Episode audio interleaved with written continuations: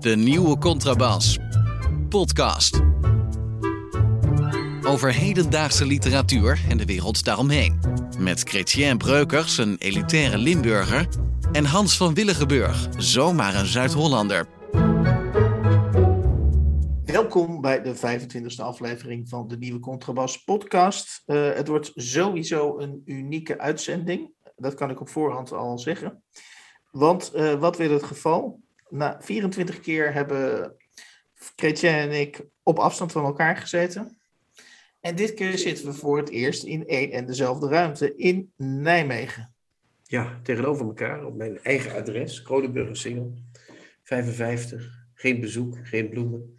Maar we hebben vandaag geen leuke dag gehad. We hadden een heidag van de podcast. We hebben ge met de hele redactie.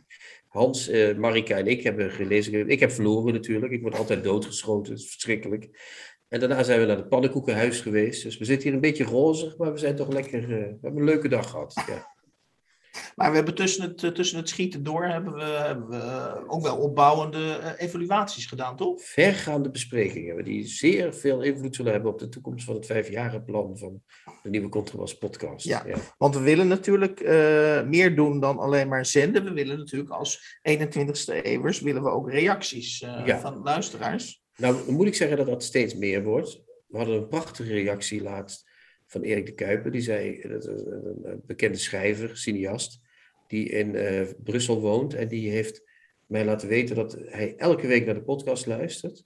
En dat uh, hij niets van de Nederlandse literaire wereld begrijpt, maar dat hij ernaar luistert als uh, berichten over een verre stam in Lapland. En dat vind ik prachtig. Als iemand daarom luistert, dan denk ik, nou, dan hoop ik dat er nog 200, 300 mensen zijn die ook die Laplandse stam willen kennen. Dus dat is een mooie reactie. En daar wachten we op, op dat soort reacties. Ja. Prachtig, prachtige quote, maar we zijn nog niet tevreden, want we willen eigenlijk meer van dat soort originele quotes. Want we gaan natuurlijk op termijn gaan we een pagina maken, een promopagina van de nieuwe Contrabas podcast. En daar willen we zoveel mogelijk luisters, luisteraars reacties op publiceren. En uh, nou, laat Lapland uh, een, mooie, een mooi startpunt, een inspiratiebron zijn ja. voor onze luisteraars om een, wat zou, in maximaal 100 woorden te beschrijven uh, wat het is, waarom ze naar de, de nieuwe Contrabas ja. podcast luisteren. En dan gaan we de leukste reacties, de origineelste, die gaan we dan op de promotiepagina zetten. Die mensen nodigen gewoon ook bij mij thuis uit. Die moeten dan verplicht hier een hele middag mee. Ook lasergamen, pannenkoeken eten, poffertjes mag ook. En dan, daarna moeten die de hele uitzending vullen. Dus die weten wat ze doen als ze die 100 woorden opsturen. Het klinkt meer, klinkt, klinkt meer als een dreigement, uh, Kritje. Ja, daarom. Dat, dat is ook goed. Dat is, mens, mensheid moet een beetje... Ze hoeven niet van ons te houden als ze ons maar vrezen, zoals een beroemde Romeinse keizer al zei. Oké. Uh, nogmaals, ik, ik kan niet genoeg benadrukken. U wordt dus van harte uh, uitgenodigd om een uh, korte reactie op de onze podcast te geven. En dat kan natuurlijk naar ons vaste e-mailadres podcast.denieuwecontrabas.blog. Ik herhaal podcast.denieuwecontrabas.blog. Nou, dan hebben we deze, dit, dit afgehandeld. wij hopen op tientallen reacties. bij voorbaat dank. hoogte dieptepunten. Vorige week hebben wij een dieptepunt besproken. Jouw, wat was jouw dieptepunt vorige week ook weer? Zijn, was Asjet en Broeke, of was dat de week daarvoor? Ja, het was Asjet en Broeke, ja. ja. Uh, ik heb dit keer gekozen voor een hoogtepunt um, uit de kranten. En dat is een stuk van Arnold Grunberg. Hij was de, deze week diverse keren trending topic op Twitter. Maar dit stuk heeft er helemaal niks mee te maken. Hij schreef in de Volkskrant afgelopen dinsdag, vond ik een heel grappig stuk over uh, Europa en de westerse beschaving. En uh, als ik het even heel bondig samenvat, zei hij in dat, beweerde hij in dat stuk: Wij denken wel dat klimaat uh, het grootste bedreiging is voor onze beschaving. Maar er is een hele andere dreiging die ons misschien wel veel eerder parten gaat spelen. En dat zijn de dalende geboortecijfers. Kortom, wij dreigen dusdanig moe van onszelf te worden of dusdanig ingekakt hij vergeleek dat met een Zwitsers dorp, bergdorp waar, ja, waar eigenlijk alles een beetje dood is uh, gevallen. En dat ontvolking, daar kwam het dus eigenlijk op neer, misschien wel een, een groter probleem voor Europa gaat worden als, als de klimaat. Nou, behalve dat ik dat een originele boodschap vond, misschien was het wel een gedachte-experiment, had hij dat stuk ook wel leuk aangekleed met voorbeelden van de Italiaanse regisseur Sorrentino, die inderdaad allemaal films maakt over bourgeois, die in, zijn, in feite klaar zijn met leven, alles al hebben gedaan en toch zo gezond zijn, hè, de vitale ouderen, dat ze gewoon nog 10 of 20 jaar door moeten leven. En uh, Grunberg suggereerde in dat stuk dat we uh, in Europa dus deels al in die werkelijkheid beland zijn. Dus dat, dat, dat je dus vitale ouderen hebt die uh, eigenlijk alles al gedaan hebben, die ehm, hun tijd in zekere zin gehad hebben. maar ja, toch door moeten leven. En dan beschrijft Grunberg op de ironische manier zoals hij dat dan kan. Uh, zegt hij van ja, want doodgaan, hè, ja, dat is ook weer zoiets. Dat doe je natuurlijk ook niet uh, graag. Dus ja, je, je kabbelt zo wat door. Maar uh, jij, vond het, jij, vond het, jij was wel minder van geporteerd, Chrétien. Nee, ik ben, wel een liefhebber van het werk van Grunberg, dat is zo. Maar ik vond dit een flauw stuk. Want om te beginnen, kijk naar Nederland, daar wonen veel te veel mensen. En zelfs als er al nog twintig jaar, hoe noem je dat? Daling van de bevolking is, van daling van het bevolkingsaantal is, dan dan nog zijn er te veel mensen en er komen bovendien 700 mensen per week bij. Dus die, die, die kans dat we gaan uh, uitsterven is er niet. Het ging niet over uh, Nederland, maar over Europa. Maar Europa, oké. Okay. Europa is, uh, het, het bevolkingscijfer wordt minder, maar er komen steeds meer mensen bij ook. Dus, dus waar, waar de bevolking daalt, daar komen mensen naartoe. Want die denken, hé, hey, daar is iets te halen of daar kunnen we gaan wonen. terecht ook overigens. Maar die, ja, ik vond het geen probleem. Ik zag het probleem niet zo. Ik vond het inderdaad een leuk gedachte-experiment.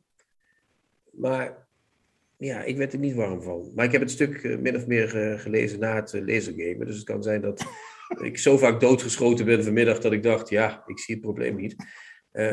kijk, Grunberg zegt iets moois, dat Europa aan het krimpen is. Of in de zin ook letterlijk. Hè? De invloed van Europa krimpt op dit moment. Mm -hmm.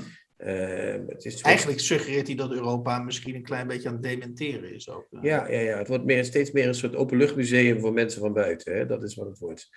Uh, wat er door jou zo ge, ge, geliefde schrijver Pfeiffer ook wel eens uh, schrijft. Hè? Alle Aziaten komen hier kijken naar de oude kunst die die dekselse -huh. Europeanen gemaakt hebben. maar of Europa daar aan, aan de bevolkingsgroei ten onder gaat, weet ik niet. Ik denk eerder aan die moeheid, aan die het is voorbij en we moeten nog twintig jaar. Dat ja. is waar ze echt aan ten onder gaan. En dat gevoel van, we hebben alles gedaan, we kunnen niks meer doen, want we kunnen onmogelijk de concurrentie winnen met China, met India, met Rusland. Dat gaan we niet winnen. Mm -hmm. We zitten hier goed, we hebben nog een pensioen. Het zal onze tijd wel duren. Oké. Okay. Dus in zeker, misschien ben ik het wel met hem eens, maar ik vond het geen geweldig stuk. Oké. Nog even voor de mensen die misschien echt benieuwd zijn hoe het inderdaad met de bevolkingsgroei of dichtheid in Nederland zal gaan. Voor, uh, onlangs heeft één CPB of CBS, daar wil ik even van afwezen, die hebben dat uitgerekend op grond van de huidige trends. En op grond van de huidige trends is berekend dat Nederland vanaf 2037, dus dat duurt nog inderdaad nog even, uh, zal gaan krimpen inderdaad. Dus, uh, Eindelijk. nog, 16, nog 16 jaar wachten. Ik kan niet wachten tot alles weer leeg is. Ja. Uh, dan, uh, uh, zoals, zoals we ook diverse malen. Dus, dus, dus Grunberg sluiten we hierbij af. dan hebben we, wil ik eventjes een uitstapje maken naar Ricky Gervais en Sam Harris. Ricky Gervais, die ken je neem ik aan, Christian? Ja, The Office en Afterlife. Ja, exact, exact. En hij heeft een vriend, dat is Sam Harris, en die is onder andere filosoof. En uh, zij zijn een podcast begonnen, een elfdelige podcast, die heet Absolutely Mental. En er zijn in totaal, wat ik zei, elf afleveringen. En ja, ik ben een beetje. en je krijgt één aflevering gratis. Dus met één aflevering word je lekker gemaakt. En het schijnt echt een doorslaand succes te zijn. Ik zal even een paar titel, titels noemen van afleveringen. Waarom zijn we bang voor de dood? Waarom is iets grappig? Wat maakt ons wie we zijn en hoe zal de beschaving eindigen? En dan gaan Ricky Gervais en zijn vriend Sam Harris dus uh, in een open gesprek over filosoferen. En ik heb die eerste aflevering, uh, die gaat over waarom dromen wij en wat zijn dromen.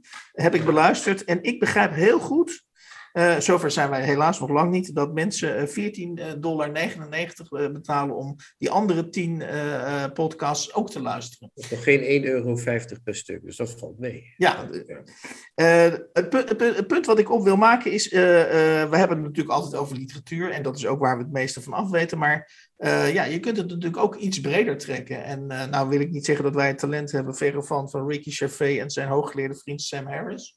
Maar ik ben wel geïnteresseerd, waar, waar, en dat is misschien ook een hoogtepunt, dat ik denk, wauw, dit is toch wel gaaf. Dat maar waar, waar gaat het bijvoorbeeld in die, in die droompodcast over? Nou, dat Kun je gaat er iets over vertellen? Kort? Ja, uh, het, gaat, het gaat over wat de, de, wat de natuur, of wat er eigenlijk gebeurt als je een droom hebt gehad, of wat er fysiologisch gebeurt. En, en de betekent, wat, we natuurlijk altijd willen weten, wat, wat betekent een, een droom? En Ricky Gervais zegt in, dat, in die eerste uh, podcast bijvoorbeeld dat dromen is eigenlijk niet zoveel. Dromen is meer een afwezigheid. Hij bedoelt daarbij, in dromen is bijvoorbeeld de logica, waar we ons in het dagelijks leven constant door laten regeren. Iets is niet logisch, iets uh, keuze A of B. Oh, we gaan voor A, want dat is logisch. Hij zegt, dat is nou precies de kracht die in dromen ontbreekt. In dromen ontbreekt die logica. Dat is wel waar natuurlijk. Ja, ja, ja. En, en daardoor uh, komt er dus een, uh, een ongecensureerde hoeveelheid beelden. Krijgt dus, dus de kans om naar voren te komen. En, en, en daardoor is een droom ook bijna altijd of heel erg leuk, of heel erg eng, of heel erg... Nou ja, bizar. Of heel erg bizar. En daar, zit dus geen, daar zitten dus geen grijstinten in.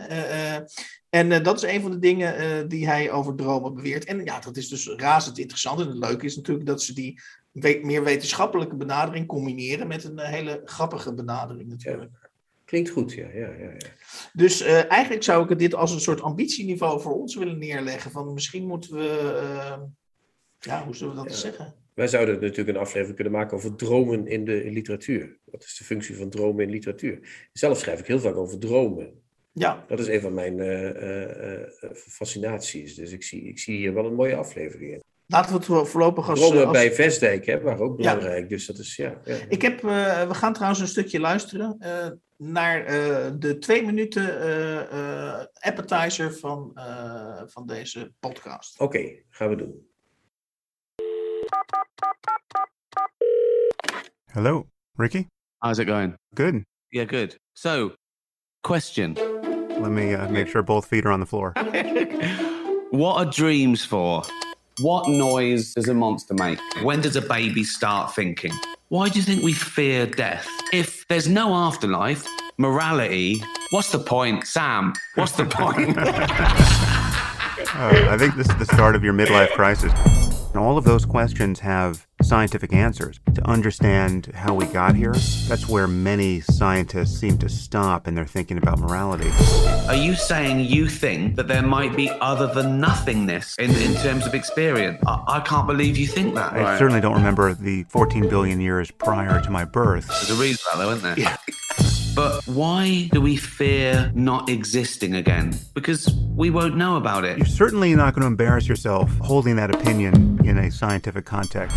Would you rather wake up with the head of a dog but your body? At least I'll keep my hair. yeah, you'll never go bald. I'm very flattered that you've done an autopsy on my psychosis. I've never thought about that before. Yeah, Um, what, what I was holding back was even better. lovely ending, but we're none the wiser, nor is anyone else. Great. Cheers.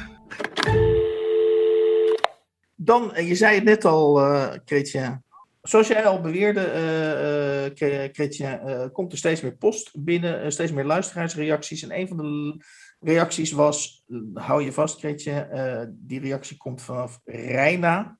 En zij zei, altijd kostelijk, jullie gezwam. Is dat, eh, is dat positief eh, onderaan de streep? Of moeten we Reina tot de orde roepen? Ik denk allebei. Ik val het maar voor de zekerheid positief op.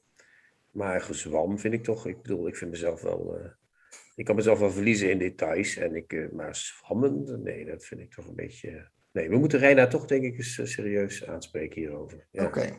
Net zoals we Loor ook moeten aanspreken. Die zei dat we te lollig waren geworden. En eh, ja, dat zijn we natuurlijk weer. Nee, we zijn niet te lollig volgens mij. Toch? Nee, vind ik ook niet. Eh, dus met andere woorden, eh, zwammen en te lollig, dat zijn, als er, al, als er reacties komen op onze podcast, die, worden, die worden gaan... We, we, we werken met ons hart. Hè. We werken vanuit ons hart. En dan zijn dit toch harde, zijn harde noten die gekraakt worden. Oké, Maar we moeten onze lezers ook, of onze luisteraars, sorry, ook serieus nemen. natuurlijk. Ja. Dus we moeten. Ik ga er deze week eens eh, over dromen. Net zoals eh, Ja, en dan, Wikingerfeest, en, dan, eh, en dan daarna bepalen of het daadwerkelijk gezwam is of niet. Ik zal die dromen dan ontleden en dan zal ik kijken wat er afwezig is en kijken of het goed is wat gezegd is. Ja, we komen erop terug. Tips van de week. Boeken, artikelen of pamfletten die boven het maaiveld uitsteken. Uitgevers weten ons in ieder geval eh, eh, steeds beter te vinden, net als de luisteraars. Eh, we hebben eh, afgelopen week van Atlas Contact opgestuurd gekregen. Eh, en wij gaan er maar vanuit dat dat opgestuurd is, omdat de uitgeverij eh, verwachtingen koestert over eh, ons oordeel over dit boek. Het is een debuut van Koen Karis. Koen met een K en Karis met een C. En de roman heet Stenen eten. Het, is, het is een roman over een, een dorp, een vrij afgelegen dorp, waar eh, aan het begin een zelfmoord eh, eh, plaatsvindt. En dan denk je als lezer, nou, dan, dan, hebben we de, dan hebben we dat in ieder geval gehad. Maar wat blijkt, er gaan gaandeweg in het boek nog veel meer zelfmoorden Het houdt maar niet op. Het houdt Nee. maar niet op. Het hele dorp is uitgemoord. Net, het is net, het is net Murders, weet je wel, waar ook altijd iedereen vermoord wordt. Het is echt verschrikkelijk. Ja. Ehm eh, Chrétien, wat, wat, wat, wat, wat, wat is jouw indruk eh, eh, van dit boek? Of, nou, ja, Ja, heeft, heeft het überhaupt indruk gemaakt? Het heeft wel indruk gemaakt, maar ik, mijn indruk, waar ik even als mee wil beginnen, die begint met het laatste hoofdstuk van het boek en dat heet Dankwoord. En dat ga ik een stukje uit voorlezen. Allereerst mijn dank aan Sander Blom voor de betrokken en fijnzinnige begeleiding. Van de conceptfase tot de laatste puntjes op de laatste is. Dank ook aan Maaike, Marijn en Anne voor de scherpe blik van buitenaf toen wij even te dicht op stonden. En aan alle andere medewerkers van de Atlas Contact. Ik ben nog niet klaar. Ik zie je al ongeduldig kijken, maar dan komt hij. Veel dank aan mijn leger van lezers. Marjolein, René, Eva, Sietse en Arwen. Die me met hun betrokken, doorlopende betrokkenheid en uitstekende ideeën in beweging hebben gehouden. Aan Suzanne en Eveline en, en, en, en, en, en- en- enzovoort. Er komen nog een heleboel namen. En tot slot aan papa, mama en Tien. Die gelukkig niet zijn zoals Bens gezin. Dit boek is voor jullie. Ik bedoel, wat ben je voor een schrijver als je ongeveer de halve wereld moet bedanken? En je begint met het bedanken van de uitgeverij. Die mensen werken aan je boek. Dat hoort zo, dat is hun werk. Als je die allemaal gaat bedanken en dan ook nog een stuk of twintig meelezers. En dan, dan je ouders en tien. Zijn zus Ja. misschien, God mag het weten. Ja. En, en dan zeg je, dit boek is voor jullie. Dan denk ik, wat ben je voor schrijver? Ja, misschien dat ik nu een open deur ga intrappen, maar waar wijst dit op dan? Dit wijst op een, eh, iemand die de hele dag eh, Casey, hè, want zo noem ik hem in mijn gedachten al, Koen Karis, Casey, die heeft de hele dag zitten schrijven en tegen iedereen gezegd, ik ben aan het schrijven. Ik ben een boek aan het schrijven dat heet Stenen eten. En die mensen hebben gezegd, way to go, Koen. Ga je maar lekker schrijven, jongen. Hè? Dan ga je tenminste niet onder de trein liggen, zoals al die mensen in het boek. En eh, dat is wat ik denk dat, het, dat er gebeurt. Maar dat is heel flauw. Nu ga ik een beetje, reëer ik een beetje. Ja, ik, maar ik, Flauwe ik, ik, ga, ik ga zo ook nog iets over het boek zeggen, dus ik laat je nog even gaan. Maar Ja. goed, eh, en dus ik, ik, als ik dat lees, en het is, ik heb zelf ook wel eens mensen bedankt, maar dat wordt steeds gekker. De, de, de, de, de, de, de, cultuur van dankwoorden, het wordt op een gegeven moment een soort community. Maar ik, ik ben wel bang dat als Karis dit, ooit- dit, ooit- dit, dit, dit ooit gaat beluisteren, dat hij zegt, Kretje, het is wel de bedoeling dat je voorin een boek begint, niet achterin. Ja, maar ik was ook voor in het boek begonnen met de proloog. En eh, wat mij dus vooral is opgevallen, dat na, na die hele bedanktoestand en dat de halve wereld zich ermee bemoeid heeft, is dat het een boek is dat aardig in elkaar zit, eh, goed geschreven is. Hij kan ook schrijven, hij is scenario schrijver, staat hier hoorspel schrijver. Ehm, het zit aardig in elkaar. Hij heeft een paar dingen bij de hand waarvan je denkt, zou aardig kunnen zijn. Maar het is nergens zo dat hij mij optilt en dat ik denk, ja, dit is echt geniaal. Dit is echt een debutant, want dat, zo werd Mhm. het ook eh, gebracht. De uitgeverij verwacht veel van het debuut, schreven ze ons.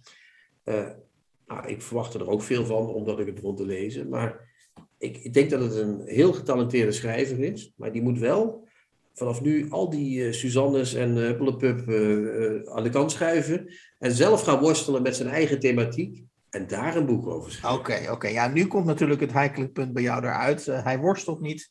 Deze schrijver, en, en dat, kan, dat is in jouw geval dus uh, misschien een groot nadeel, omdat jij de vorige keer bekend hebt in de Nieuwe Contrabas podcast dat jij worstelt met een boek, waarmee uh, eigenlijk je, je, misschien impliciet zegt, er moet ook geworsteld worden met een boek. Ja, dat, dat denk is... ik dat dat moet. Ja, ja. Waarom ben je kunstenaar geworden? Niet om om met Suzanne de hele dag over je leuke nieuwe boek Stenen eten te praten. Maar om je boek te maken, toch? Dat is toch dat, dan verwacht ik toch niks geks van ik, mensen. Ik, ik, ga, ik ga, ga proberen het, het, het, het oordeel wat genuanceerder. Uh, je, je, geeft hem de credits. Hij zegt, je zegt hij kan schrijven. Koen Karis hebben we het over. Uh, en dat vind ik ook. Ik, ik vind namelijk dat hij, ons, dat hij wel degelijk erin slaagt. In ieder geval bij mij is hij erin geslaagd. Om me langzaam in dat wat macabere sfeertje van het gereformeerde dorp uh, te krijgen. En ik, hoewel ik natuurlijk de achterflap had gelezen en ik al wist dat er meer mensen zelfmoord gingen plegen, vond ik toch heel ingenieus hoe hij uh, mij uh, toch vasthield van de ene zelfmoord naar de, naar de andere. En begon ik me dus uh, rond pagina 100 inderdaad af te vragen van, jeetje, wat is er toch in godsnaam aan de hand? En ik denk dat die schrijver, een gemiddelde schrijver, is daar toch wel heel erg blij mee als je op pagina 100 toch een beetje een spooky gevoel bent, krijgt en, en dus een, een, een reden hebt om door te lezen, omdat je wil weten wat er nou precies aan de hand is. Wat hij is toneelschrijver, hoorspelschrijver. En wat hij dus goed doet, is dat dat dorp is een klein wereldje. Net zoals het toneel eigenlijk om een aantal personages uh, draait. En wat hij goed doet, vind ik, is dat hij die paar personages goed om elkaar heen laat draaien. Uh, op een manier die nieuwsgierig maakt. Iets anders is. Maar je merkt wel de hele tijd de constructie er doorheen. Dat is waar. En dat maakt het jammer, want als je er echt in zit, dan vergeet je dat je in het boek zit. En hier weet je steeds, oh, dat, dat ben ik, dat ben Casey ik dus, gaat ons die kant op. Dat ben ik dus met je eens. Ja. In die zin is het, merk je dat Koen Karis toch die Netflix-generaties. Ik was eigenlijk nooit benieuwd naar die personages individueel. Nee. Het ging er inderdaad, eigenlijk, eigenlijk moesten die personages zijn instrumenten om, om personage A iets tegen personage B te laten zeggen. Ja. En uh, uh, heel veel verder raak je emotioneel inderdaad niet betrokken bij die nee. personages. Dus nee. met andere woorden, hij, hij, hij, het, zeg maar, ja, de, de ondergrond van het cijferschap is er absoluut. Maar uh, dit boek is inderdaad uh, ja, iets te veel kunstig, maar iets te veel maakwerk. waardoor je inderdaad, waardoor het ja, ergens blijft hangen. Dat klopt. Maar, Zoals Louis Balboon zei, geniaal, maar te korte beentjes. Ja. toch? Ongeveer dat is het, toch? Ja, en we kunnen natuurlijk wel, maar dat gaan we natuurlijk niet doen. Uh, uiteindelijk komt natuurlijk naar boven waarom al die zelfmoorden ja, uh, gepleegd dat gaan we niet zijn. verraden. Dat gaan we natuurlijk niet verraden. Daarvoor moet je het boek Stenen eten van Koen Karis uh, lezen. Dus Koen, als ik ook namens Chrétien mag spreken, gewoon volgende keer jezelf opsluiten.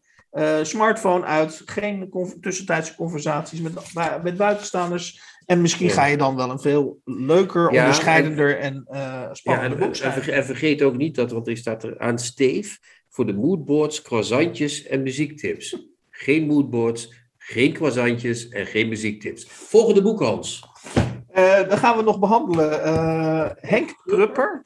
ja. Ooit een, een, of misschien nog steeds, dat weet ik niet, een naam in de Nederlandse literatuur. Jazeker, jazeker. Ja. Uh, hij heeft laten verschijnen uh, bij, bij de bezige bij Hartslag 27. En alvorens we dat gaan bespreken, wil ik even uh, ja, het volgende constateren. Is namelijk dat de bezige bij sinds corona lijkt het wel allerlei semi- of min of meer bekende schrijvers Nederlanders, schuine streep Nederlanders, uitnodigt om uh, ja, een soort reflectie op de, ja. op de corona. Ja, we hebben uh, natuurlijk de fotograaf. We hebben de fotograaf al gehad, uh, Stefan van Vleteren. Toen kregen we daarna de acteur Ramzi Nasser. We hebben niet besproken, maar die was er ook in van Kasteren. Joris, Joris van, Kasteren. van Kasteren. En nu is Henk is al de vierde die een boek schrijft waarin corona op de achtergrond meespeelt. Ja, en ik, Zie, en ik zie een soort rode draad in die serie van, van boeken die de bezige bij uitgeeft. Namelijk dat uh, corona en cultuur, allebei met een C. Ja. Het zijn allemaal heel cultureel, vooral cultureel verantwoorde uh, uh, ja, memoires, zou je dat kunnen ja, zeggen? Memoirs, hè? dus memoirs. geen memoires, maar memoirs. Ja. Sorry. Ja. Dat is wel een verschil. Ja, ja. sorry.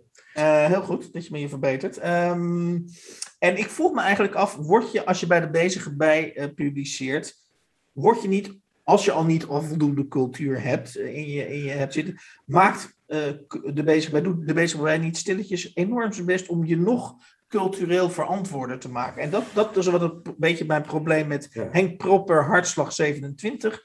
Zeg maar, de cultuur druipt van elke pagina. En uh, ja. ja, ik. Uh, Ja, het is inderdaad zo dat de cultuur van elke pagina afdrijft. Eh, wat jammer is in die zin dat het verhaal wat Henk Prupper schrijft heel ontroerend is. Hij schrijft het verhaal van een man die, eh, dat weten we omdat het een memoir is, eh, Henk, dus het is Henk zelf.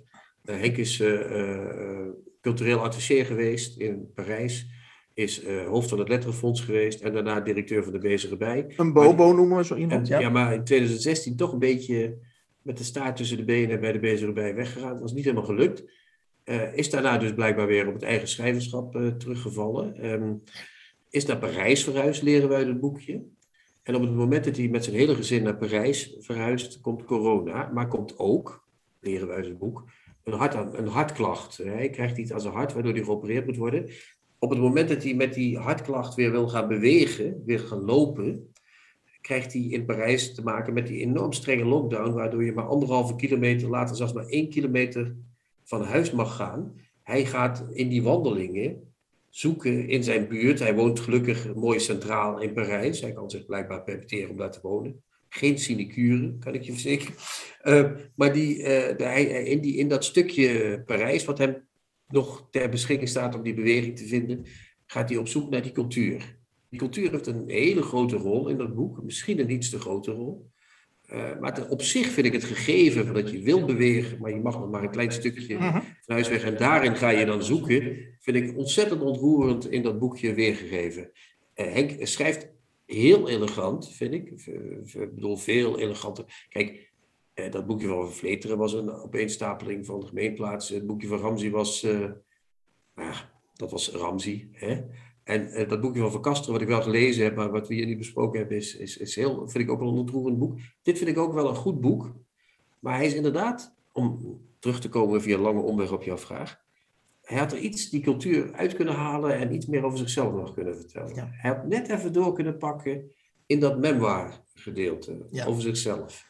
Ja, want, want, want wat, wat mij dan opvalt in de manier van formuleren, en misschien heeft hij dat wel heel bewust gedaan, dat zou kunnen, is dat hij de, de, de lezer iets te nadrukkelijk wil meenemen ja. als een soort gids. Het is eigenlijk bijna een soort altijd. Misschien heeft hij het zo ook wel bedoeld. Het zou ook helemaal niet zo gek zijn om mensen uh, die ook onder corona lijden en die dus misschien wel eens een boek kopen, te zeggen van nou, ik neem je mee uh, rond uh, ja. mijn eigen huis en, en, en dit gaat... is, en dit is er allemaal te vinden in Parijs, in, in de onmiddellijke omgeving van mijn huis. Maar het maar gaat ook over figuren zoals Stendhal ook vaak, die uh, schrijven vanuit een positie van stilstand ook.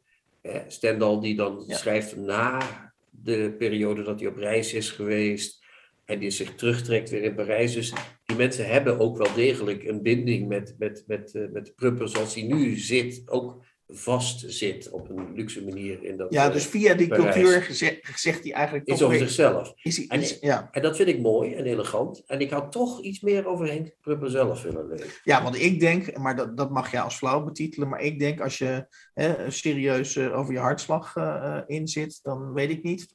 Maar goed, dat, ik ben Henk Prupper natuurlijk niet, maar... Ik, uh, ik zou iets minder, minder met cultuur bezighouden ben, en iets meer met mijn eigen hart, denk ik. Ik denk dat ik op het moment dat ik het aan mijn hart zou krijgen, wat natuurlijk helemaal niet zo raar is. Dus, ik bedoel, ik, ben, uh, ik heb overgewicht, ik, uh, ik leef niet gezond. Ehm, ik denk dat ik dan boeken zou gaan lezen over hart en Net zoals ik vroeger in de winter ging ik met mijn rug tegen de verwarming boeken lezen over kindjes die gingen schaatsen. Ja. Dus ik denk dat ik precies hetzelfde als Prupper zou doen. Okay. Het is een echte lezer. Het is echt, je merkt aan alles dat het iemand is die altijd die boeken heeft genomen om iets over zichzelf te weten te komen. Ja. Snap je wat en, ik bedoel? Ja. En, en, en ik wil zeker nog genoemd hebben dat ik op, op volgens mij rond pagina 50, uh, was ik oprecht ontroerd door dit boek. En dat heb ik niet zo snel. En volgens mij is het zelfs de eerste keer dat ik in deze podcast... Moest je ook huilen? Of uh, nou, ik moest net niet huilen, maar hij, uh, het gaat dan over het incident met de Frans leraar Samuel Paty. Die, ja, die ont onthoofd Die is onthoofd en dan refereert Henk Prupper aan de dienst, aan de begrafenisdienst voor Samuel Paty. En dat er dan een, een, een, brief wordt voorgelezen die de uh, Nobelprijswinnaar Albert Camus, bekende uh, Franse schrijver, uh, die uh, een, ooit een brief heeft geschreven aan zijn leraar. namelijk dat die leraar eigenlijk ervoor gezorgd heeft dat hij de mens en de schrijver is geworden. En dat die leraar het licht, bijna letterlijk het warme licht is geweest dat iedereen eigenlijk nodig heeft eh, in zijn leven. Eh, en dat hij dus heeft mogen ontvangen van die leraar. En dat is natuurlijk, hè, die brief is uiteindelijk dan weer een, in die dienst een eerbetoon aan Samuel uh, Paty. Ja. En dat ontroerde mij oprecht. Enorm. Ja, dat is een prachtige citaat. Dan zegt hij ook, toen ik het nieuws kreeg, was mijn eerste gedachte, na die aan mijn moeder, aan u. Dat vind ik al bijna om te huilen. Zonder u, zonder die liefdevolle hand die u heeft gereikt aan het arme kind dat ik was, zonder uw onderwijs en uw voorbeeld was niets van dit alles gebeurd. Dus dan had hij niet die Nobelprijs uh, gekregen. Ik hecht geen al te groot belang aan dit soort eer, maar deze is tenminste een gelegenheid om u te zeggen wat u voor mij geweest bent. Dus hij draait het om. Hè? Van, ik, ik hecht er niet aan, maar ik kan nu zeggen wat jij voor mij betekend hebt. En dat uw inspanningen, uw werk en uw genereuze, uh, kan vertellen over uw inspanningen, uw werk en uw genereuze hart. Nog altijd levend zijn, die zijn nog altijd levend in een van uw kleine leerlingen, die ondanks zijn gevorderde leeftijd niet is opgehouden uw dankbare leerling te zijn. En Prupper zegt daarmee natuurlijk ook iets over die mensen uit die boeken. Ja. Die leren hem ook voortdurend iets uh, op dat pad wat hij moet afleggen na dat, ja. na, tijdens die revalidatie. Dus, uh, het is inderdaad een prachtig, uh, het is de kern van het boekje bijna. Ja. ja. Mooi. Dus uh, hartslag 27 van Henk Prupper. Moet je horen. Hans leest een favoriete passage voor uit een boek dat hij onlangs gelezen heeft. Evenwicht. Er schuilt fatsoen in mijn woorden. De drang om niemand af te maken. Mijn haat is een adaptief, zacht knuffeltje. Ik pas alchemie toe voordat woede uit me kolkt, waardoor ik als een voorspelling ga glimmen. Ik lees handboeken van Breivik en Kelly om te weten wat ik niet moet doen. Ik houd me er strikt aan, maar wie alles omdraait, eindigt toch soms met een priemend mes. Zodoende werk ik gefocust aan mijn meerduidige wonder, dat hoger ruikt dan goed en kwaad. Terwijl de dader het wapen wegwerpt en ik mijn scherpte hef, rol ik het universum als een Jona Gold verluchtigd door wormen met de rotte plek naar onder. The Black Box. Hoe schrijvers schrijven. Welkom bij de Black Box, uh, onze rubriek over het schrijfproces. Vandaag hebben we te gast Persis Bekkering. Zij publiceerde onlangs een roman Excess, die verscheen bij Prometheus in Amsterdam. Uh, Persis, welkom allereerst. Uh, je bent behalve romanauteur, want het is je tweede roman. In 2018 schreef je Een heldenleven. Uh, behalve romanschrijver ben je ook criticus voor NRC Handelsblad. Uh, ik vraag me af hoe dat is als je zelf regelmatig met een zwaard boven een boek staat te zwaaien. En je zet dan je vingers op de laptop. Wat gebeurt er dan? Doe je ook als auteur of in het algemeen? Wat gebeurt nou, er? Ja, je, je, je, je, door de week geef je oordelen over boeken. Hè? Ja. Af en toe. Hè? Je, dan moet je dus gaan denken, wat is dat voor boek? Hoe vind ik dat? Heeft dat effect op je eigen schrijven? Denk je dan, ben je dan hyperbewust van wat je gaat schrijven? Het is niet meer, nee, dat is wel veranderd. Voordat ik een heldenleven publiceerde, ik was toen nog recensent bij de Volkskrant, toen was ik daar wel heel bewust van. En dat, een heldenleven gaat ook over perfectionisme en de angst om te falen of nou ja, via een personage dat überhaupt niet kan falen. Um, en dat zag ik zelf niet direct als een, uh, als een, als een verband met met mijn andere baan als recensent. Maar dat is er toen wel heel vaak uitgehaald. Van hey, je schrijft over iemand die niet kan falen en je bent zelf criticus. Hoe verhoudt zich dat? Mm-hmm. En ik denk dat daar wel een verband zit. Al is dat inmiddels anders. Ten eerste omdat ik geen Nederlandse literatuur meer hoef te recenseren. Ik heb expliciet gevraagd of ik vertaalde fictie mag recenseren. Waardoor er toch een soort scherm tussen zit. Of in ieder geval is het veiliger. Omdat ik die auteurs doorgaans niet tegenkom. En ze lezen mijn recensies ook niet. En nou, ik voel me daarin vrijer, min, minder gezien. Want je deed eerst wel Nederlandse literatuur. Ja, ik begon als, als uh, recensent Nederlandse fictie. En het omslagpunt kwam toen Een heldenleven verschenen was. En ik zat in een boekhandel naast twee andere debutantes. Um, waarvan ik er één al had gerecenseerd. Uh, hoe had je die gerecenseerd? Met drie sterren, dus een beetje matig. Zie, kom. Precies, precies. Echt wat je juist niet, wat niemand wil. Dan heb je liever uh, twee sterren dan drie. En, en op dat moment voelde ik me zo'n verrader dat ik toen heb gevraagd aan, uh, aan de Volkskrant: Oké, mag ik nu. Uh, no ik wil graag nooit meer Nederlands uh, recenseren. Oké, okay, dus dat was zo'n onaangename ervaring dat je onmiddellijk ingreep. Dat je dacht: Dit wil ik gewoon niet meer. Ik vond het, het was altijd al ongemakkelijk hoor, omdat je toch alle auteurs tegenkomt. ik woon op dat moment in Amsterdam en ja, je, je ontloopt ze niet. Maar goed, toen dacht ik nog, nou ja, dit is mijn vak en dat hoort er gewoon bij. Maar op dat moment dacht ik, nee, dit, uh, dit voelt niet goed meer. Dus nu doe ik ja, de fictie. Dus dat is één, dat voelt anders. En ik ben ook heel anders over mijn vak gaan nadenken. Welk vak van de twee? Romanschrijver of? Ja, eigenlijk allebei. Als schrijver heb ik meer het gevoel dat ik, dat ik nu veel meer... Uh, um, ik, ik heb het gevoel dat ik nu meer een eigen... Dat ik iets, iets eigens aan het doen ben. En dat ik een, een plek heb gevonden waarin ik op een manier over literatuur kan nadenken die voelt als van mij. En als er dan een oordeel op komt, ook al is het negatief, dan um, vind ik het natuurlijk niet leuk, maar ik zit er niet zo heel erg mee. Dan denk ik gewoon, goed, dit lees jij erin, maar je hebt het niet op mijn voorwaarden gelezen. Of, uh, of ik denk, nou ja, eh, oké, maar het is een, ik ben blij met dit boek. En bij een heldenleven was ik veel, voelde ik me kwetsbaarder. Maar dat lijkt me logisch. Maar dat interessant wat je zegt. Je zegt, ik heb een eigen plek. Of ik heb het gevoel dat ik een eigen plek heb nu. Uh, en, hoe zou je die plek want dat vind ik super interessant. Uh, hoe zou je die plek omschrijven waar jij nu zit? Ik denk dat ik een schrijver ben van romans die. Um, ja, dit is dus niet per se om te zeggen dat ik mezelf goed vind of zo. Ik, ik zie gewoon meer wat, dat, wat ik doe, dat dat iets specifieks is. Ik ben bijvoorbeeld vooral geïnteresseerd in, um, in het, uh, proberen weer te geven van het gevoel van een tijd. Um, in, ja, in, in hoe voelt het om nu te leven? Dat was eigenlijk de vraag die ik me heb gesteld voor Access. Dat gaat dan niet zo, zozeer over het vertellen van een verhaal. Dus er zijn, er zijn romanciers, er zijn veel schrijvers die echt sterk zijn in het opbouwen van een plot en in je, in je meeslepen. En, en dat je aan het eind van het boek echt het gevoel hebt van wow, we hebben nu iets meegemaakt. Uh, en wat een ontroerend verhaal. En, uh, Zo'n schrijver ben ik niet. En nee. En dat hoef ik ook te zijn voor mezelf. Sorry, ja, maar dat ja. klopt wel wat je zegt. Ja, ja. En, en, dus dat, en ik, ik hoef dat dus ook niet van mezelf. En ik, ik, dat is ook niet per se wat ik van mezelf van een roman verlang als recensent.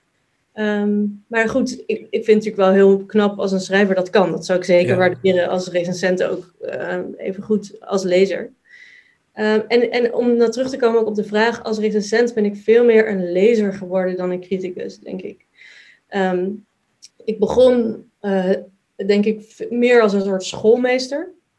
Van hoe, is hè, hoe, zit, hoe zit het in elkaar en uh, wat is er goed, wat is er niet goed en hoe moet een boek eigenlijk in elkaar zitten met bepaalde vaste ide ideeën. En ik ben nu veel meer als een lezer gaan lezen. Dat klinkt heel vanzelfsprekend, maar um, ik, wil, ik wil verleid worden door een boek of geraakt. Um, en, en ook verrast. En dat gebeurt ook regelmatig dat ik zelf erg verrast ben over een boek uh, waar ik op voorhand van misschien had van had gezegd dat is niet iets uh, in mijn straatje of binnen mijn smaak.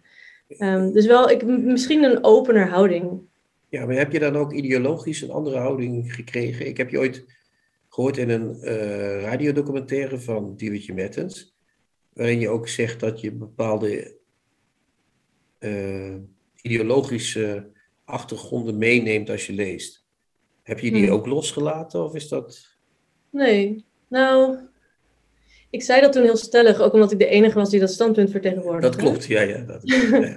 ik zat er ook in, dus daarom weet ik het. Um, ja. Maar kijk, voor mij, voor mij, wat ik in die radiodocumentaire duidelijk probeerde te maken, is dat um, een esthetisch oordeel, niet, dat ik dat niet kunstmatig ga zitten scheiden van um, van een, uh, nou ja, niet van een politiek orde, maar goed, waar het mij om ging is als je, als je um, clichés, bijvoorbeeld uh, seksisme, racisme, als je, als je genderstereotypen opvoert in je roman, hè, dat kan natuurlijk een bewuste keuze zijn en, en de, daar ga ik je echt niet meteen op afstraffen, maar, je, maar soms lees ik romans waarvan ik denk, hé, hey, dit, dit is een, een, een, een cliché, een stereotype dat, dat niet... Um, per se echt uh, op die manier vormen ze geven dat het interessant is of dat het een waarde heeft of betekenis heeft. Dat vind ik dan ook een esthetisch probleem. Dat vind ik ook een literair probleem, want een cliché is gewoon een herhaling van wat, wat er al genoeg in de wereld wordt gezegd. Dus dat is gewoon niet interessant. En zo bedoelde ik dat eigenlijk. Dus niet van, ik kan alleen maar alleen boeken van linkse schrijvers krijgen bij mij vier, vijf sterren. Ehm, Dan heb je wel een heel, heel saai leven Ja. vanaf nu. eh. Dat wordt echt heel Nee, maar ik snap wat je bedoelt. Maar het was niet als, als ik, wil, ik, ik wil die niet ter, ter verantwoording roepen, maar ik was gewoon heel benieuwd of die lezershouding ook daarmee was ver- veranderd. Maar dat heb jullie uitgelegd dat dat toch twee verschillende dingen zijn. Ehm, Je zei net even iets over die, dat je eh, niet zozeer een plot gedreven verhaal wil vertellen, maar je wil wel een verhaal vertellen. Want in Access bijvoorbeeld vertel je het verhaal van één persoon, althans één hoofdpersoon met een aantal mensen die daaromheen eh, zwerven. Eh, je begint in 1988, het verhaal, eh, in de dance als ik dat zo mag zeggen. Eh, ik, ik zie achterop dat je, of in de, in de binnenflap van het boek, dat je 87 geboren bent. Ehm, dus die tijd heb je niet helemaal bewust meegemaakt, schat ik in. Eh, research. Hoe, ben je een schrijver die research doet? Of hoe kom je aan dit verhaal? Dat is eigenlijk de vraag. Ja, voor dit boek heb ik veel research gedaan. Bij een heldenleven niet. Ik was eigenlijk zo ongeduldig met schrijven eh, na heel lang niet... Het moest Ik eruit. durfde heel lang niet- Ja, het moest eruit en ik durfde heel lang niet te schrijven. En op een gegeven moment vond ik de moed om te schrijven. En toen dacht ik, ik schrijf over iets wat ik goed ken, maar wat voor de lezer tegelijkertijd een soort geheimzinnige wereld is, namelijk de symfonieorkestenwereld. Ehm en, Ja. en, en bij Access, ja, daar Dus je bent van muzieksoort veranderd eigenlijk alleen maar. Ja, dat was ook een persoonlijke verandering trouwens. Want ik, ik ben van violenmeisje technomeisje geworden. Oh mijn god. Ehm. Dat, is toch- dat valt eigenlijk buiten het bestek van dit, deze podcast. Maar toch, wat gebeurde daar? Wat was er aan de hand? Eh, Nou, ik zou ook niet willen zeggen dat ik... Ik luister nog steeds naar klassieke muziek. Ik speel het niet zoveel meer. Ehm, en ik ben natuurlijk ook al heel lang niet naar raves geweest. Eh, maar ja, dat is een, een, eh, eigenlijk een, een, een weg die ik heb afgelegd via de klassieke muziek naar de hedendaagse klassieke muziek, waar veel elektronische ja, componisten ik en zo, wel, Ja, ja, richting de, de roes en, en de, de lange nachten. En daar wilde je een verhaal over schrijven. Ja, ja. Ehm, ik wilde, ik wilde het, het begon met, ik wilde een boek schrijven over het gevoel dat, dat we in een tijd vastzitten die zich eigenlijk maar blijft herhalen. Waarin, waarin we niet meer een soort toekomstproject hebben eh, of, of iets, überhaupt iets van een toekomst ver, ver voor ons uit verwachten, maar waarin steeds ehm, het, het materiaal van het nu wordt gerecycled. Zo, zo zag ik dat. En ehm, ik was geïnteresseerd om, daar, om dat te koppelen aan, aan die rave scene, omdat voor mij rave muziek, of technomuziek, is, doet dat, precies dat, maar dan, maar dan als viering in plaats van als probleem. Dus het is repetitieve muziek. Ehm, je weet dat die club is er elk weekend, eh, nu natuurlijk niet, maar die, is in principe elk weekend is die er en elk weekend kan je weer die ervaring hebben. Je kunt in die dreun stappen opnieuw en dan is Ja. die er. En er is geen, er is geen eh, spanningsboog. Nee. Ehm, er is geen begin, er is geen eind. Het doel is juist zo'n lang- eindeloze ervaring. Ehm, en, en, en eigenlijk alleen maar plateaus van pieken. Ja. Dat, dat stelde ik me voor. Dus ik vond dat, dat die wereld van, van techno en race mooi samenkwam. Ik wilde tegelijkertijd ook, om dat gevoel van het, van het hedendaagse te, weer te geven of te kunnen verbeelden, wilde ik een aanloop nemen in de recente geschiedenis. Van hoe, hoe was het eerst en hoe is het nu? Eh, dus zo begon ik eh, vlak voor die ontploffing eigenlijk van, de, van Rave, eind jaren En ook 80. vlak voor de val van de muur, of heeft dat er niks Ja. mee te maken? Ja, absoluut. Dat heeft er heel veel mee te maken. Want Berlijn speelt een belangrijke rol natuurlijk. Ja, ja, die val van de muur staat voor mij voor een ongelooflijk optimisme over. Nu is, is de toekomst begonnen en het einde van de geschiedenis, zoals Fukuyama dat een paar la- jaar later zou schrijven. Ehm, we gaan op, zijn op weg naar een stralende wereld waarin iedereen gelijk is. Identiteit doet er niet toe. We Ja. vieren het. En, en ehm, dit, ik, ik heb hier veel onderzoek naar gedaan. Ehm, ik wist natuurlijk helemaal niet hoe het was in de jaren tachtig, alleen uit, uit een paar films of zo. Ik heb heel veel. ik heb heel veel documentaires gekeken over die scene, heel veel boeken gelezen. Er is ook een mooi boek met opgeschreven orale geschiedenis. Eh eh, de Klang der Familie heet het. En dat gaat over precies die beginjaren 90 in Berlijn. Ehm, twee muziekjournalisten hebben heel veel mensen gesproken die daarbij betrokken waren. En die vertellen gewoon als documentaire stijl heel veel verhalen. Ehm, ja, en, en natuurlijk ook niet alleen die rave scene heb ik onderzocht, maar überhaupt de jaren 80, de jaren 90. Wat, hoe leefden we toen? Hoe dachten we toen? En, en tegelijkertijd dat later allemaal weer eruit geschreven. Oké, dat is goed. Ja, dat, is, dat klinkt mij als mij best dat je dus tot een soort eigen stijl kwam en dat dan kon overnemen. Ja, ja, in het begin zaten er allemaal verwijzingen in naar films en, en boeken uit die tijd of technologie. En later dacht ik, nee, dit is, dit is Ja. too much. Hans wilde moet- iets vragen volgens mij. Ja, ja, en wat me nog steeds intrigeert uit een, uit een eerder deel van het gesprek is dat je zei van ik heb, een, ik heb het gevoel dat ik nu meer een eigen plek heb in de, in de literatuur of een eigen plek geclaimd heb. Mhm. En eh, daaraan verbond je eigenlijk ook de, het gevoel dat je minder afhankelijk bent van het oordeel van anderen, omdat je die eigen plek hebt. Ja. Dus dat, dat maakt voor mij de vraag, eh, wil ik heel graag aan je stellen, of je met dat tweede boek, waar je dus meer vanuit een eigen plek aan het werk bent, of je dan inderdaad bij wijze van spreken bij één ster denkt, en van nou ja goed, eh, die heeft het gewoon niet begrepen, of daar kan ik makkelijker overheen stappen. Gelukkig heb ik geen recensies gehad, eh, minder dan drie sterren. Ehm, drie was het laagst. En daar had ik wel, ik had bijvoorbeeld bij de recensie in de Volkskrant, ehm, had ik wel zoiets van, nou, volgens mij, ik was er gewoon. Ze ik was- begrijpen het niet helemaal. Dat Wat Ja, was er dan? ik- Want wie, wie schreef die recensie en wat was dat? Ik weet eigenlijk niet meer wie het schreef. Ik kende die persoon niet. Een man die, die blijkens de recensie zelf ook Dat heb je verdrongen als je niet weet wie de recensie geschreven Ja. heeft. Dat, dat, Ja, dat geloof nou ik ja, bijna niet. Maar didn't zen ben je er nog niet over, dat hoor ik wel. Ja, nou, het was ook niet iemand van wie ik eh, andere, meerdere recensies heb gelezen. Geen oud Oké. collega of zo. Maar, dus, maar bijvoorbeeld die, die recensent, ehm, die vond het begin heel mooi. Maar aan het eind eh, zei hij, dan, dan is het een essay waarin ze allerlei Franse filosofen aanhaalt. Wat zo erg bij haar demografische type als millennial past. eh, dat ze dus bijna alsof de lichten aangaan in de club. En dat is natuurlijk heel onnuchterend. Maar, dat, maar, maar het is wel zo dat je einde van het boek is een omslag. Ja. Je, je schrijft heel erg vanuit, je schrijft sowieso niet vanuit een ik, maar vanuit een andere persoon.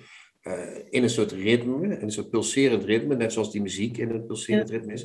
En aan het eind heb je inderdaad een omslag, want dan ga je naar de ik-persoon, Ja. die eh, vertelt in het slothoofdstuk over, de, over haar eh, ja, een soort zelfverwerkelijking. Hè? Van na die tijd heb ik nu dit bereikt en ben ik dit en dit en dit en dit. Toch? Als ik het kort, want we- het gaat niet zozeer om het boek, maar dat is wel wat je, waar je voor gekozen hebt. Je hebt niet die dreun volgehouden, maar je bent toch in die persoon gestapt nog even. Is dat jouw plek? Is dat jouw plek? Heb je daar je eigen zelfverwerkelijking willen opschrijven? Nee, nee zeker niet. Joyceaans project? Nee, dat einde. Ja, dus nou ja, een van die frustrerende dingen aan die recensie was dat het werd gezegd: wat jammer dat het eindigt als essay. Want het is geen essay, het is Nee. een fictieve e-mail Ja, van ja. het hoofdpersonage aan een personage dat eerder in het boek al verschenen is. En eh, voor mij was het nodig. Waar, waar dat voor mij uit voortkomt is, eh, ik heb in elk van die hoofdstukken, elk hoofdstuk speelt zich af in een ander jaar en in een andere stad, heb ik geprobeerd die tijd, eh, in die tijd te kruipen. Misschien nog wel meer dan Nim eh, is de, de tijd en plaats eh, de hoofdpersoon eigenlijk. Dus hè, New York. Nim is de 2001. hoofdpersoon, moeten we even Ja, bij zeggen. Ja, de danseres. Ja. 2001 New York, vlak voor. Het is in de zomer, dus je weet ergens als lezer al van: oh ja, er komt straks die, die Twin Towers, maar het is, het is Ja, daarvoor. ongelukje met die vliegtuigen komt zo. Ja, precies. Ja. Eh, 2008 in Londen, nou ja, bankencrisis natuurlijk. En dan in, zijn we in 2020, dan is het, ehm, dan is het eh, corona-jaar. En, en nou ja, ze kan niet meer raven, maar ze is dan ook al 50, dus dat doet ze misschien sowieso niet meer. En dan, ja, wat doe je dan? Ja, schrijven, terugblikken. En wat mijn idee was geweest bij dat hoofdstuk, was eigenlijk een soort fictieve autotheorie. Want dat is nu ook een genre wat, wat heel erg, ehm, ja, wat, wat ik heel veel zie, Dan moet autotheorie. je echt even uitleggen. inderdaad. Ja, ja. Fictieve autotheorie, wat is dat? Ja, nou ja, goed, je hebt dus autofictie, hè, de, de autobiografie met literaire middelen. ehm, is nu een heel populair genre. En dan heb je wat meer aan de academische kant autotheorie, waarin ehm, eigenlijk als het ware een soort filosofie wordt beschreven aan de hand van je eigen ervaring en je eigen lichaam. Dus ja, niet dat kwaad begint nu ook al door de journalistiek heen te waren. Hè? Dat is Ja, soort, ja. ja, ja. En ik dacht, dat, dat, dat was, is voor mij zo ook kenmerkend voor, deze, voor hoe wij literatuur ook beleven en voor deze tijd. Dat ik, ik in dat genre ben gekropen, maar dan vanuit mijn personage. Dus het is ook weer fictie, maar het is, het lijkt een soort fake autotheorie. Dus je hebt met elk hoofdstuk iets over die tijd willen zeggen. En dat laatste hoofdstuk heb ik erg ster- sterk gelezen als een omslag. Maar dat is het dus niet. Want je Nee. bent wel ook ineens in een ik-persoon gekropen. Maar dat komt door die e-mail natuurlijk. Die staat in de e-mail. Ja, dus, door die vorm, ja. En ik denk wel dat het achteraf gezien is het boek ronder geworden dan ik had gewild. Is Want- dat niet heel literair? Jezus. Ja, ja nee, het is ook veel gelezen als van nou, nu snappen we eindelijk wat haar beweegt en Oh, wat ja. haar heeft meegemaakt. En, en ik wilde juist, mijn aanvankelijke idee was om vijf hoofdstukken te schrijven die als gelijkwaardige, die eigenlijk als episodes lezen, waarin er niet één zwaartepunt is. En net als die, die, die technomuziek eh, zich blijft herhalen en, en eh, ja, dat repetitieve heeft, waarin niet een prachtig spanningsboogje zit met een climax en een doorwerking en zo. Maar uiteindelijk is het toch best wel een, ja, door dat hoofdstuk wel, omdat ze zo terugblikt, wel weer heel rond geworden. Ja. En dan Ja. is de laatste vraag eigenlijk, wat nu? Tenminste, mijn laatste vraag. Hans heeft ook nog een vraag, volgens mij. Ja, die komt daar in de buurt van wat nu. ja, want, want, want nu ben je dus niet geslaagd in je idee. dus ik vermoed dat je nog een derde boek eh, gaat schrijven, of niet? Ja, dat sowieso. Ja, maar Ja. Heb je daar al iets, kun je ons... eh, ja, ja. wat? het wordt heel anders. Waarover? Ook, ja, heel anders. Ja, maar wat, Ehm, mijn tweede boek is een, ik vind het zelf, het is een behoorlijk melancholisch boek geworden. Mijn eerste boek trouwens ook, maar in mijn tweede heb ik echt ook veel, heel bewust op die melancholie aangestuurd als het, een melancholie over een verloren utopie. En in mijn nieuwe boek, ik ben nu juist helemaal niet meer zo bezig met die, die linkse melancholie en dat, en dat verlies van de toekomst. is melancholie links, ja? Nou, wel het soort melancholie, denk ik, wat zeg maar, het verlies van een toekomstproject, van een utopie waarin, waarin de wereld anders kan zijn. Dat, dat Mhm. is voor mij wel. Maar je bedoelt, daar is recht sowieso niet mee bezig. man. Nou, Ik ben nooit wil- zo links geweest, maar het is heel melancholisch toch. Ja. ja, ja ik, wil- ik wil niet per se zeggen dat rechts daar niet mee bezig is, maar Maar ik was ook niet rechts, Ehm. dus dat zegt niks. links. Maar goed, Nee. ga verder. Neem ik kwalijk. Ja. simpeling. Ja, ik, ik, Ja. ik enorm. Ehm, maar waar ik eerder echt bezig was met die verloren utopie, ben ik nu juist wil ik mijn blik richten op, eh, op niet, niet op dat verlies van de toekomst, maar op wat er nu al is, wat we nu hebben, die, die soort van die scherven van de utopie die in het heden er al zijn, als in vriendschap. ehm, ehm, momenten waarin we wel een, een andere wereld eigenlijk binnen kunnen halen in het heden, daar, daar ben ik nu veel meer in geïnteresseerd. Dus dat is een heel meer, ander- meer het glas half vol, zullen we zeggen. Ja, precies. Ja, ja. Of Ja, ik maak- ik- een heleboel je mag kleine me- Je mag, je mag me slaan nu hoor. Of, eh, deze het is misschien een cliché. Ja, ik ga wel even mee in deze analogie. Als je zegt van je hebt een, een glas water, dan, zou ik, dan zie ik nu opeens een heleboel kleine shotglaasjes. Heel mooi, dankjewel.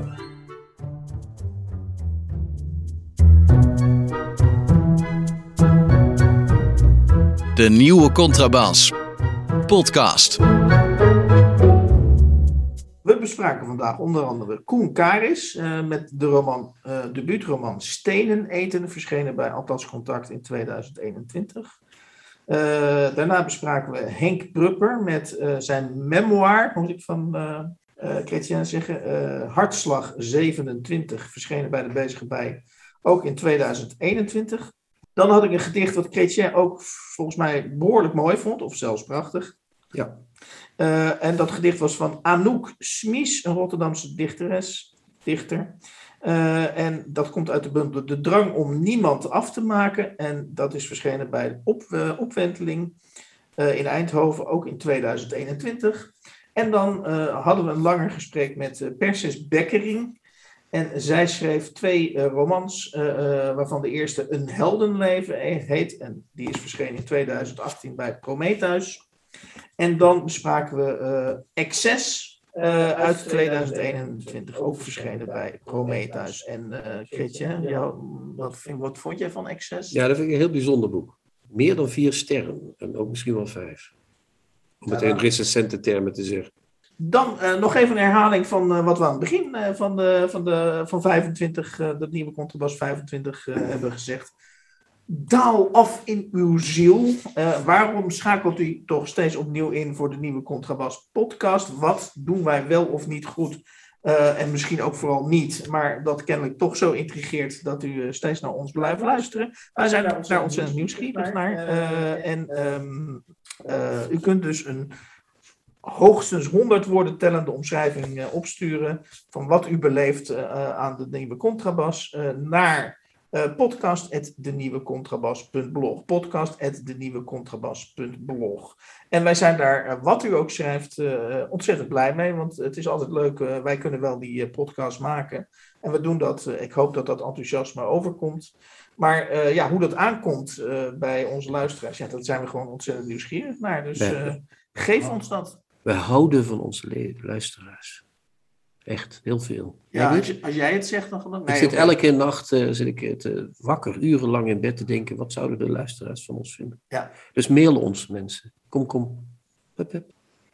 Tot slot nog even prozaïsche mededelingen. Wij uh, proberen alle betrokkenen bij de nieuwe Contrabas podcast zoveel mogelijk alle agenda's op elkaar te laten aansluiten. Maar ja, ehm, dat lukt niet altijd. Dus dat heeft als consequentie dat we er uh, iets later zijn uh, met de uh, 26, zoals het nu voor staat, zal dat net even wat langer duren. Hoe lang precies, dat weten we op dit moment niet, maar anderhalf, twee weken wellicht. De nieuwe Contrabas podcast wordt gemaakt door Chrétien Breukers, Hans van Willigenburg en Erik Lindenburg.